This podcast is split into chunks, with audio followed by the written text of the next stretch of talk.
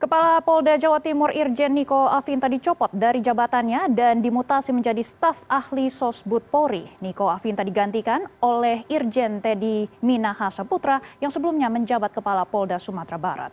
Dikutip dari CNN Indonesia.com, Kadif Humas Polri Irjen Dedi Prasetyo mengatakan mutasi adalah hal alamiah dalam organisasi dalam rangka promosi dan meningkatkan kinerja organisasi kepolisian. Sebelumnya, sejumlah pihak mendesak agar Niko Afinta dicopot dari jabatannya.